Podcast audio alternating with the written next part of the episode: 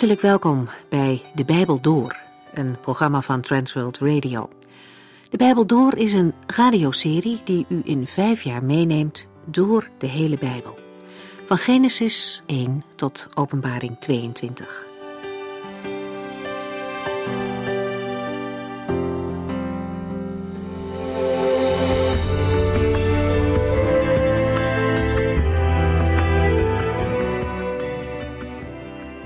We zijn in deze serie bij 1 Corinthiërs 2 gebleven.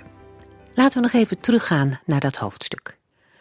Paulus gaat daar verder in op Gods wijsheid, die zo heel anders is dan de wijsheid van de wereld. Hij herinnert de gemeente eraan dat hij hen niet met de mooiste woorden of redenaties het evangelie heeft gebracht. Paulus heeft hen simpelweg verteld over Gods heilsplan. Over de betekenis van het kruis van Christus. Over Gods zoon, die stierf voor de zonde van de wereld. En niet de prachtige woorden van Paulus moesten hen overtuigen. Dat zou geen echt geloof zijn. En daarmee week Paulus af van wat in zijn tijd gebruikelijk was.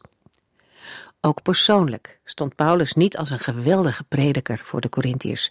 Hij schrijft dat hij bang en bevend voor hen stond en hen niet met overtuigde woorden overhaalde om te geloven. Hij wilde voorkomen dat ze omwille van hem zouden gaan geloven. Het is belangrijk dat mensen geloven omdat ze door Gods kracht overtuigd worden. Het is goed om dat voorbeeld van de apostel vast te houden. Mensen kunnen vertellen, getuigen van de waarheid, maar het is Gods geest zelf die hen overtuigt. Het zijn niet onze mooie woorden of onze goede argumenten die mensen overtuigen van Gods waarheid. God heeft er in zijn wijsheid voor gekozen om mensen te gebruiken om de waarheid te vertellen. Maar dat is ook genoeg. Hij zelf doet de rest. Daarna legt Paulus uit dat God al voor de schepping geweldige plannen klaar had. Voor de wereldleiders zijn deze dingen verborgen gebleven, maar God heeft het zijn kinderen bekendgemaakt. De apostel Paulus maakt een scherp onderscheid tussen gelovigen en ongelovigen. Het is voor ongelovigen ondoenlijk om de wijsheid van God te begrijpen. Voor hen is het onzin, omdat ze niet de hulp van de geest hebben om het te begrijpen. En de menselijke geest zelf is te beperkt om Gods grootheid te vatten. Gelovigen daarentegen hebben de Heilige Geest, die helpt om de hele waarheid van God te leren kennen. We gaan verder met hoofdstuk 3 in 1 Corinthiërs.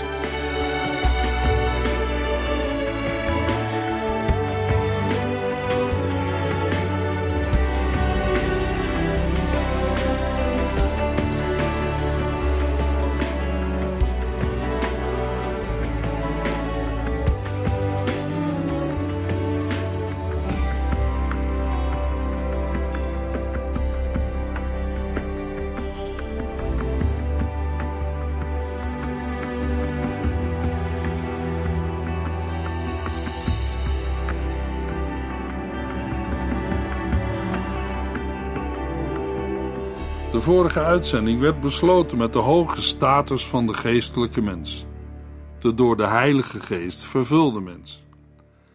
In 1 Korinthe 3 komt Paulus daarentegen tot een droevige conclusie. De gelovigen in Korinthe mogen dan wel de Heilige Geest hebben ontvangen, ze gedragen zich niet als zodanig. 1 Corinthiërs 3 vers 1 Broeders en zusters, toen ik bij u was, kon ik u nog niet toespreken als geestelijke mensen. U leidde uw eigen leven en deed uw eigen zin. Uw verhouding met Christus was nog zo pril dat ik u alleen maar melk kon geven.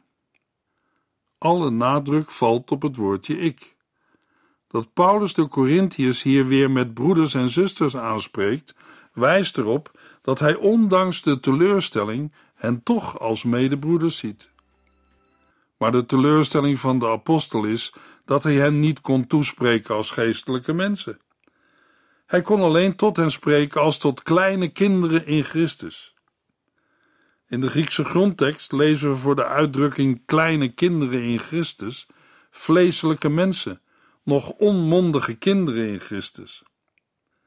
Let wel, Paulus zegt hier niet dat zij de Heilige Geest niet hebben ontvangen, dat hebben ze wel. Paulus zegt dat zij niet als zodanig aanspreekbaar zijn. Hun instelling is ongeestelijk, vleeselijk. Dat houdt in dat hun instelling past bij het vlees, de wereld, de oude gevallen menselijke natuur. Ze leven werelds, als onveranderde mensen. De Corinthiërs worden gedreven door lichamelijke impulsen en lusten. Dat is een schokkende conclusie. Vooral bij alle pretenties die de Corinthiërs voeren. Paulus moet tot hen spreken als tot kleine kinderen in Christus. Deze onmondigen in Christus, kleine kinderen, staan tegenover de volmaakten, de volwassenen in Christus. Tot hen kon Paulus wel met goddelijke wijsheid spreken. Weliswaar zijn de gelovigen van Korinthe in Christus door het geloof en de doop aan hem verbonden, maar in hun gedrag en instelling is daar nog weinig van te merken. En daar spreekt Paulus hen in 1 Corinthiërs 3 op aan. Broeders en zusters, toen ik bij u was, kon ik u nog niet toespreken als geestelijke mensen. U leidde uw eigen leven en deed uw eigen zin. Uw verhouding met Christus was nog zo pril dat ik u alleen maar melk kon geven. 1 Corinthians 3, vers 2. Vast voedsel was te zwaar voor u, en dat is helaas nog steeds het geval. Ook nu wordt u door uw eigen verlangens beheerst. Paulus blijft in vers 2 nog even stilstaan bij het beeld van de kleine kinderen, de zuigelingen. Uw verhouding met Christus was nog zo pril dat ik u alleen maar melk kon geven. De gelovigen in Korinthe zijn alleen in staat om melk tot zich te nemen en geen vast voedsel. Zo was hun toestand toen zij net tot bekering waren gekomen. Dat had nu anders moeten wezen, maar dat is niet zo. De christenen in Korinthe zijn nog steeds niet in staat, in geestelijk opzicht, vast voedsel te eten. Recht op de man af wijst Paulus de zere plek aan bij de gelovigen. Het is ook hun eigen schuld dat zij niet tot geestelijke volwassenheid zijn gekomen. Zij worden door hun eigen verlangens beheerst. Als Paulus zegt dat hij hun melk en geen vast voedsel gegeven heeft, komt daarbij direct de vraag op of Paulus twee soorten evangelie heeft gepredikt: één voor beginners zonder Gods wijsheid en één voor gevorderden met Gods wijsheid. Maar dat is zeker niet het geval. Paulus predikte maar één evangelie. Waar hij ook kwam, liet hij het woord van God tot zijn volle recht komen, waarbij Gods wijsheid, Gods geheimenis, namelijk het kruis van Christus, centraal stond. Aan de geestelijk volwassen christenen kan ten volle de wijsheid van God, het vaste voedsel, worden doorgegeven. Aan geestelijke zuigelingen alleen dat wat voor hen gemakkelijk is te verteren, melk, namelijk de dingen die tot het eerste onderwijs behoren. In Hebreeën 5, vers 12 tot en met 6, vers 3 lezen we over dezelfde dingen. Nu u al een hele tijd christen bent, zou u eigenlijk anderen moeten onderwijzen.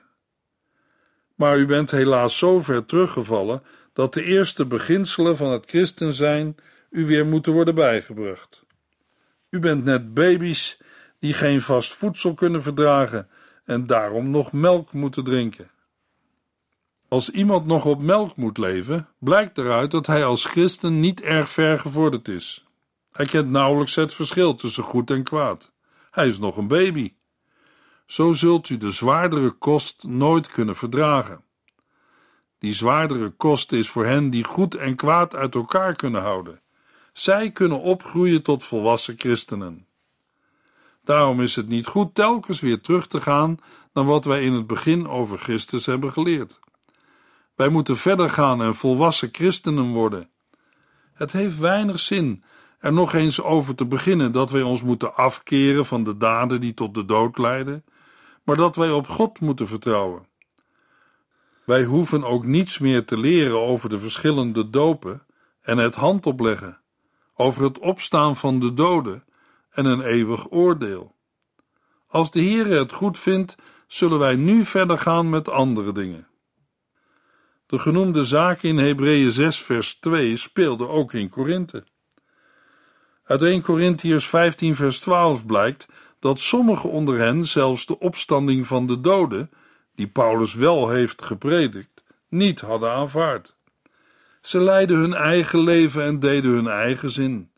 Ze waren vleeselijk, onmondig in Christus. Hun verhouding met Christus was nog zo pril dat Paulus hen alleen maar melk kon geven. In de eerste twee versen van 1 Corinthians 3 lezen we dat de apostel Paulus drie categorieën mensen onderscheidt. Er zijn gelovige en ongelovige mensen, geestelijke en natuurlijke mensen. De geestelijke mens wordt beheerst en geleid door de Heilige Geest, en de natuurlijke mens niet. Maar uit 1 Corinthians 3 blijkt dat gelovigen onderscheiden kunnen worden in geestelijke en vleeselijke mensen. De vleeselijke christen is wel christen, maar leeft als een natuurlijk mens uit de wereld, zonder God. Hij leidt zijn eigen leven en doet zijn eigen zin. Hij of zij vraagt niet: Heere, wat wilt u dat ik doen zal? Als we de brief van Paulus aan de gelovigen in Korinthe lezen, dan lijkt het erop dat de apostel een beetje moe werd van de vleeselijke gelovigen, van de baby's in het geloof.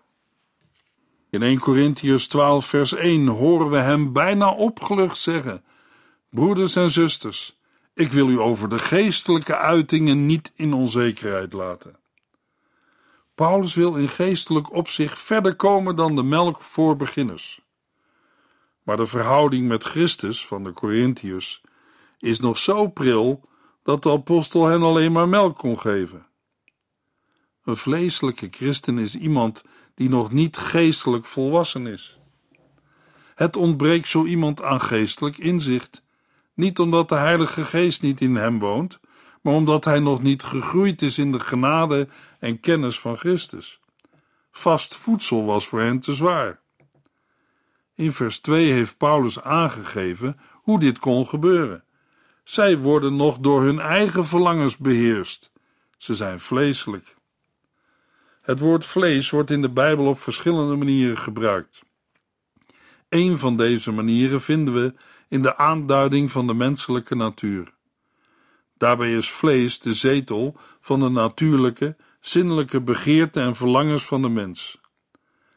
Het wordt in het buitenbijbels Grieks soms op één lijn gesteld met genot, genieting, lust. In het Nieuwe Testament staat het voor de oude, onbekeerde menselijke natuur. We lezen in dat verband bijvoorbeeld over de begeerte van het vlees, naast de begeerte van de ogen, het denken, de gezindheid van het vlees en de werken van het vlees. Het woord heeft in de Bijbel een sterk negatieve bijklank. Het vlees of lichaam is zwak. In het vlees of oude natuur woont geen goed. In Romeinen 7, vers 5 schrijft Paulus toen wij nog ons eigen leven leidden, werd ons lichaam beheerst door zondige begeerten, die werden aangewakkerd door de wet. Als iemand naar het vlees leeft, wil dat zeggen dat hij of zij zich in zijn levenswandel laat leiden door de natuurlijke verlangens en begeerten. De gezindheid van het vlees, onze eigen zin, is vijandschap tegen God. De menselijke zondige natuur staat tegenover de Heilige Geest van God. Gelovigen moeten zich niet langer laten leiden door hun natuurlijke, vleeselijke verlangens. Zij hebben afgerekend met hun oude natuur en begeerten. Die zijn aan het kruis geslagen. En waar zijn de oude natuur en de vleeselijke begeerten aan te herkennen? 1 Corinthians 3, vers 3. Want als u jaloers bent en elkaar niet kunt verdragen, wordt u blijkbaar door uw eigen verlangens beheerst. Dan bent u net als de ongelovige mensen. Paulus geeft in vers 3 de bewijzen voor zijn scherpe uitspraken. Er is immers jaloersheid en onverdraagzaamheid onder hen. Jacobus 3, vers 13 tot en met 16 zegt in dit verband treffend: Wie van u is wijs en verstandig? Dat kan alleen maar blijken uit iemands goede daden en liefdevolle wijsheid. Maar als u door jaloezie en eigenbelang vol wrok zit, kunt u zich nergens op beroemen, dan zou u de waarheid geweld aan doen. Want jaloezie en egoïsme lijken in de verste vette niet op Gods wijsheid. Nee, ze zijn aards, ongeestelijk en duivels. Waar jaloezie en eigen belang zijn, vindt u ook wanorde en meer van dat kwaad. De gelovigen van Korinthe leven en handelen naar de mens, dat wil zeggen, zoals een gewoon zondig mens leeft, zonder de vernieuwing door de Heilige Geest. Dat komt overeen met leven naar het vlees en staat tegenover het in gehoorzaamheid leven aan de Heilige Geest. 1 Corinthians 3, vers 4 tot en met 6. Als de een zegt bij Paulus te horen en de andere bij Apollos, is dat erg menselijk geredeneerd. Wie is Apollos en wie ben ik? God heeft ons willen gebruiken om u tot geloof in Christus te brengen. Ieder van ons zoals de Heer het ons opgedragen heeft. Ik heb het geloof in u geplant, Apollos heeft het verder verzorgd, maar alleen God kon het laten groeien. In vers 4 blijkt wat Paulus met jaloersheid en onverdraagzaamheid bedoelt. Het gaat om de vorming van elkaar beconcurrerende partijen. Die groepen noemen zich naar degene die zij als idealen, voorbeelden of leiders zien. In werkelijkheid hebben Paulus of Apollos of Petrus en Christus niets met deze groepsvorming in de gemeente te maken. Paulus noemt hier alleen Apollos en zichzelf, omdat alleen zij in Korinthe hebben gewerkt. Naar hun onderlinge ruzies te oordelen, verschillen de Corinthiërs niet van onbekeerde, zondige mensen. Dat de Heilige Geest in hen woont, valt uit dit gedrag niet op te maken. Ze zijn gelovig, maar leven als mensen uit de wereld. Wie zijn Paulus en Apollos, naar wie de Corinthiërs hun groepjes noemen? Het antwoord is dienaren. God heeft hen willen gebruiken om de Corinthiërs tot het geloof in Christus te brengen. De Heer heeft hen niet geroepen om rivaliserende groepen in de gemeente te leiden.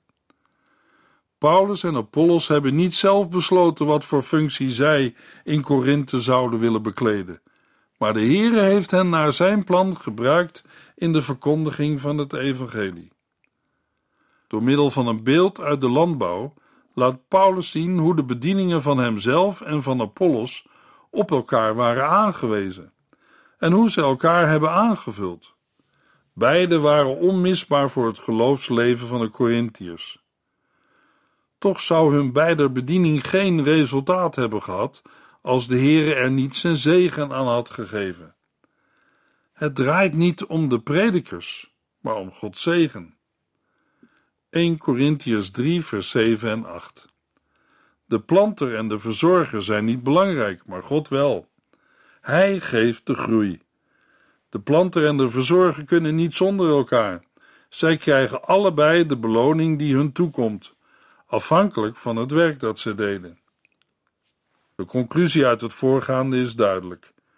Degene die plant, Paulus, en degene die begiet of verzorgt, Apollos, kunnen niet zonder elkaar. Beiden zijn niet het belangrijkste. De belangrijkste is de Heere zelf. Op hem moeten de gelovigen van Korinthe zich richten en niet op Paulus, Apollos of Petrus. Als nu Paulus en Apollos één zijn, dan hebben degenen die zich naar hen noemen geen recht om verdeeld te zijn. Voor Paulus en Apollos geldt dat zij hun loon niet verwachten van mensen, bijvoorbeeld in de vorm van leiderschap over een bepaalde partij of groep, maar van God, omdat zij in zijn dienst staan. 1 Corinthians 3, vers 9 en 10. Wij zijn Gods medewerkers en u bent Gods akker. Of anders gezegd, Gods gebouw. God heeft mij het voorrecht en de kracht gegeven om als een goed architect de fundering te leggen waarop een ander voortbouwt. Paulus vergelijkt de gemeente met een bouwwerk. De apostel heeft bij de totstandkoming van dit gebouw een bijzondere functie gehad. In het geval van Paulus hield dat het stichten van de gemeente in en het geven van het eerste onderwijs. Door te spreken over het voorrecht en de kracht die de Heer hem had gegeven, laat Paulus zien dat hij zijn werk niet ziet als een persoonlijke verdienste, maar als een onverdiende gave van God. Aan de andere kant geeft het feit dat juist de Heere Paulus deze bediening heeft toevertrouwd, hem een groot gezag. 1 Corinthians 3, vers 11. Want een andere fundering dan Jezus Christus mag niemand leggen. Voordat Paulus verder gaat met waarschuwen tegen verkeerde leringen, staat hij nog een moment stil bij het fundament. Er is maar één fundament mogelijk als basis voor het heil. Een andere fundering dan Jezus Christus mag niemand leggen. Het is de taak van de apostelen en predikers om dat fundament te leggen. Dat wil zeggen bekend te maken door de verkondiging in iedere plaats waar zij komen. Buiten dit fundament, buiten de verkondiging van Jezus Christus, zijn kruis en opstanding, is er geen fundament. Daarbuiten is er ook geen sprake van evangelie, geen sprake van geloof en geen sprake van het christendom. 1 Corinthians 3, vers 12 en 13. U kunt op die ene fundering met allerlei materialen bouwen, met goud, zilver en edelstenen, of met hout, hooi en stro. Het zal vanzelf blijken wat u hebt gedaan, want de grote dag van de Heere komt met vuur. In het vuur blijft alleen over wat waardevol is, de rest verbrandt. Op dit fundament kan men verder bouwen. Let wel, het gaat daarbij niet om persoonlijke geloofsgroei en levensheiliging, maar om het opbouwen van de gemeente met behulp van verder onderwijs. Nog steeds binnen de beeldspraak van het bouwwerk kan het onderwijs van de leraren en de uitwerking daarvan vergeleken worden met goud, zilver en edelstenen of met hout, hooi en stro. De vraag van Paulus is of de kwaliteit van het materiaal en het vakmanschap passen bij het kostbare fundament en of het resultaat duurzaam is. Zullen de resultaten van het onderwijs ook bij het oordeel van God de toets kunnen doorstaan? Uit de versen 18 tot en met 20 valt op te maken dat het onderwijzen met behulp van wereldse wijsheid wordt gerekend tot het bouwen met hout, hooi en stro. Het is dan ook de wijsheid van de wereld die beschaamd zal worden. Het mag dan nu niet voor iedereen zichtbaar zijn wat de kwaliteit en het waarheidsgehalte van al het onderwijs is. Maar het zal vanzelf blijken wat u hebt gedaan, want de grote dag van de Heere komt met vuur. De grote dag is de dag van de wederkomst van de Heer Jezus Christus. Al in het Oude Testament wordt de dag van de Heere voorgesteld als een dag van gericht, waarbij het vuur spreekt van het straffende oordeel. In het Nieuwe Testament is deze dag van de Heere gelijk aan de dag van de wederkomst van de Heer Jezus. Het vuur zal toetsen hoedanig het werk van een ieder is geweest. Goud, zilver en edelstenen kunnen het vuur doorstaan, maar hout, hooi en stro zullen verbranden. Deze overwegingen kunnen u stilzetten bij de vraag of het geestelijk onderwijs dat u in uw kerk of gemeente ontvangt, de toets van de Heere kan doorstaan. Levert het geestelijk onderwijs dat u ontvangt en doorgeeft in de ogen van de Heere werkelijk een bijdrage aan de geestelijke opbouw van uw kerk of gemeente? Of gaat de christelijke kerk vandaag onder in het onderwijzen van holle frasen met wereldse wijsheid? zonder waarde voor de Heere en met verdeeldheid en geloofsondermijning als resultaat. Het is een voortdurende zaak van verootmoediging en gebed. 1 Corinthians 3 vers 14 Als u met vuurvast materiaal op de fundering hebt gebouwd, krijgt u loon. Zonder beeldspraak stelt Paulus vast dat op de dag van de wederkomst van Christus zal blijken of het onderwijs dat bepaalde leraren hebben gegeven in Gods ogen de toets van de kritiek kan doorstaan. De gedachte van loon vormt geen tegenstelling met het principe van genade, waaraan Paulus elders zoveel aandacht besteedt. Het gaat bij het loon niet om de rechtvaardiging of het behoud, maar om iets extra, zoals blijkt uit vers 15.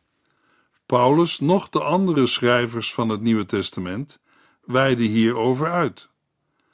Ten slotte is er ook in de heerlijkheid die de gelovigen bij de komst van de Here zullen ontvangen, blijkbaar een bepaald verschil. 1 Corinthians 3, vers 15 tot en met 17. Als uw werk verbrandt, zult u verlies lijden. U zult zelf gered worden, maar dan wel door het vuur heen. Weet u niet dat u zelf de tempel van God bent en dat zijn geest in u woont? Als iemand Gods tempel beschadigt, zal God hem schade toebrengen, want Gods tempel is heilig en u bent de tempel van God. Een kind van God is een tempel van de Heilige Geest.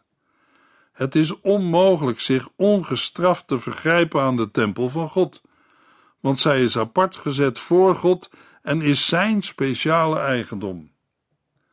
1 Corinthians 3, vers 18 tot en met 23.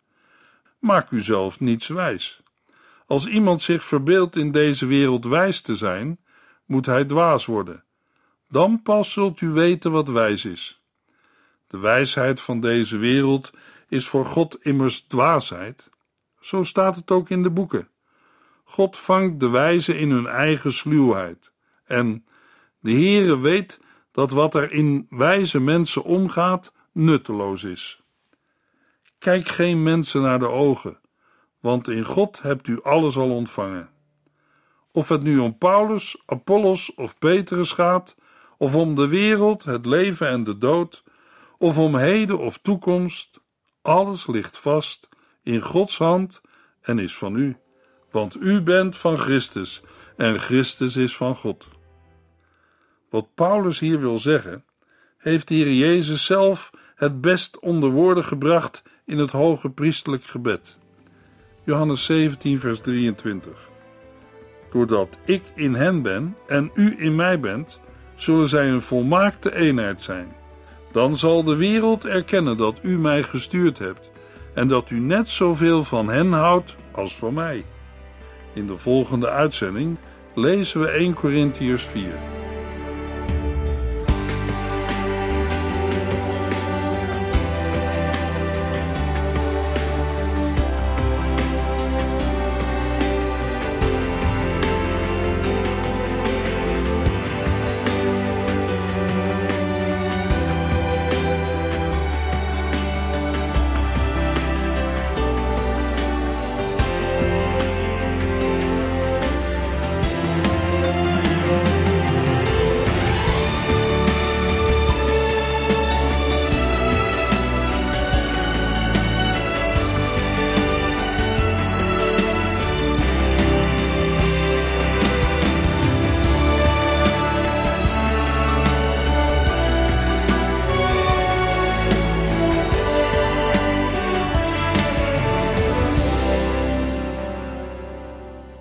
Geluisterd naar De Bijbel Door.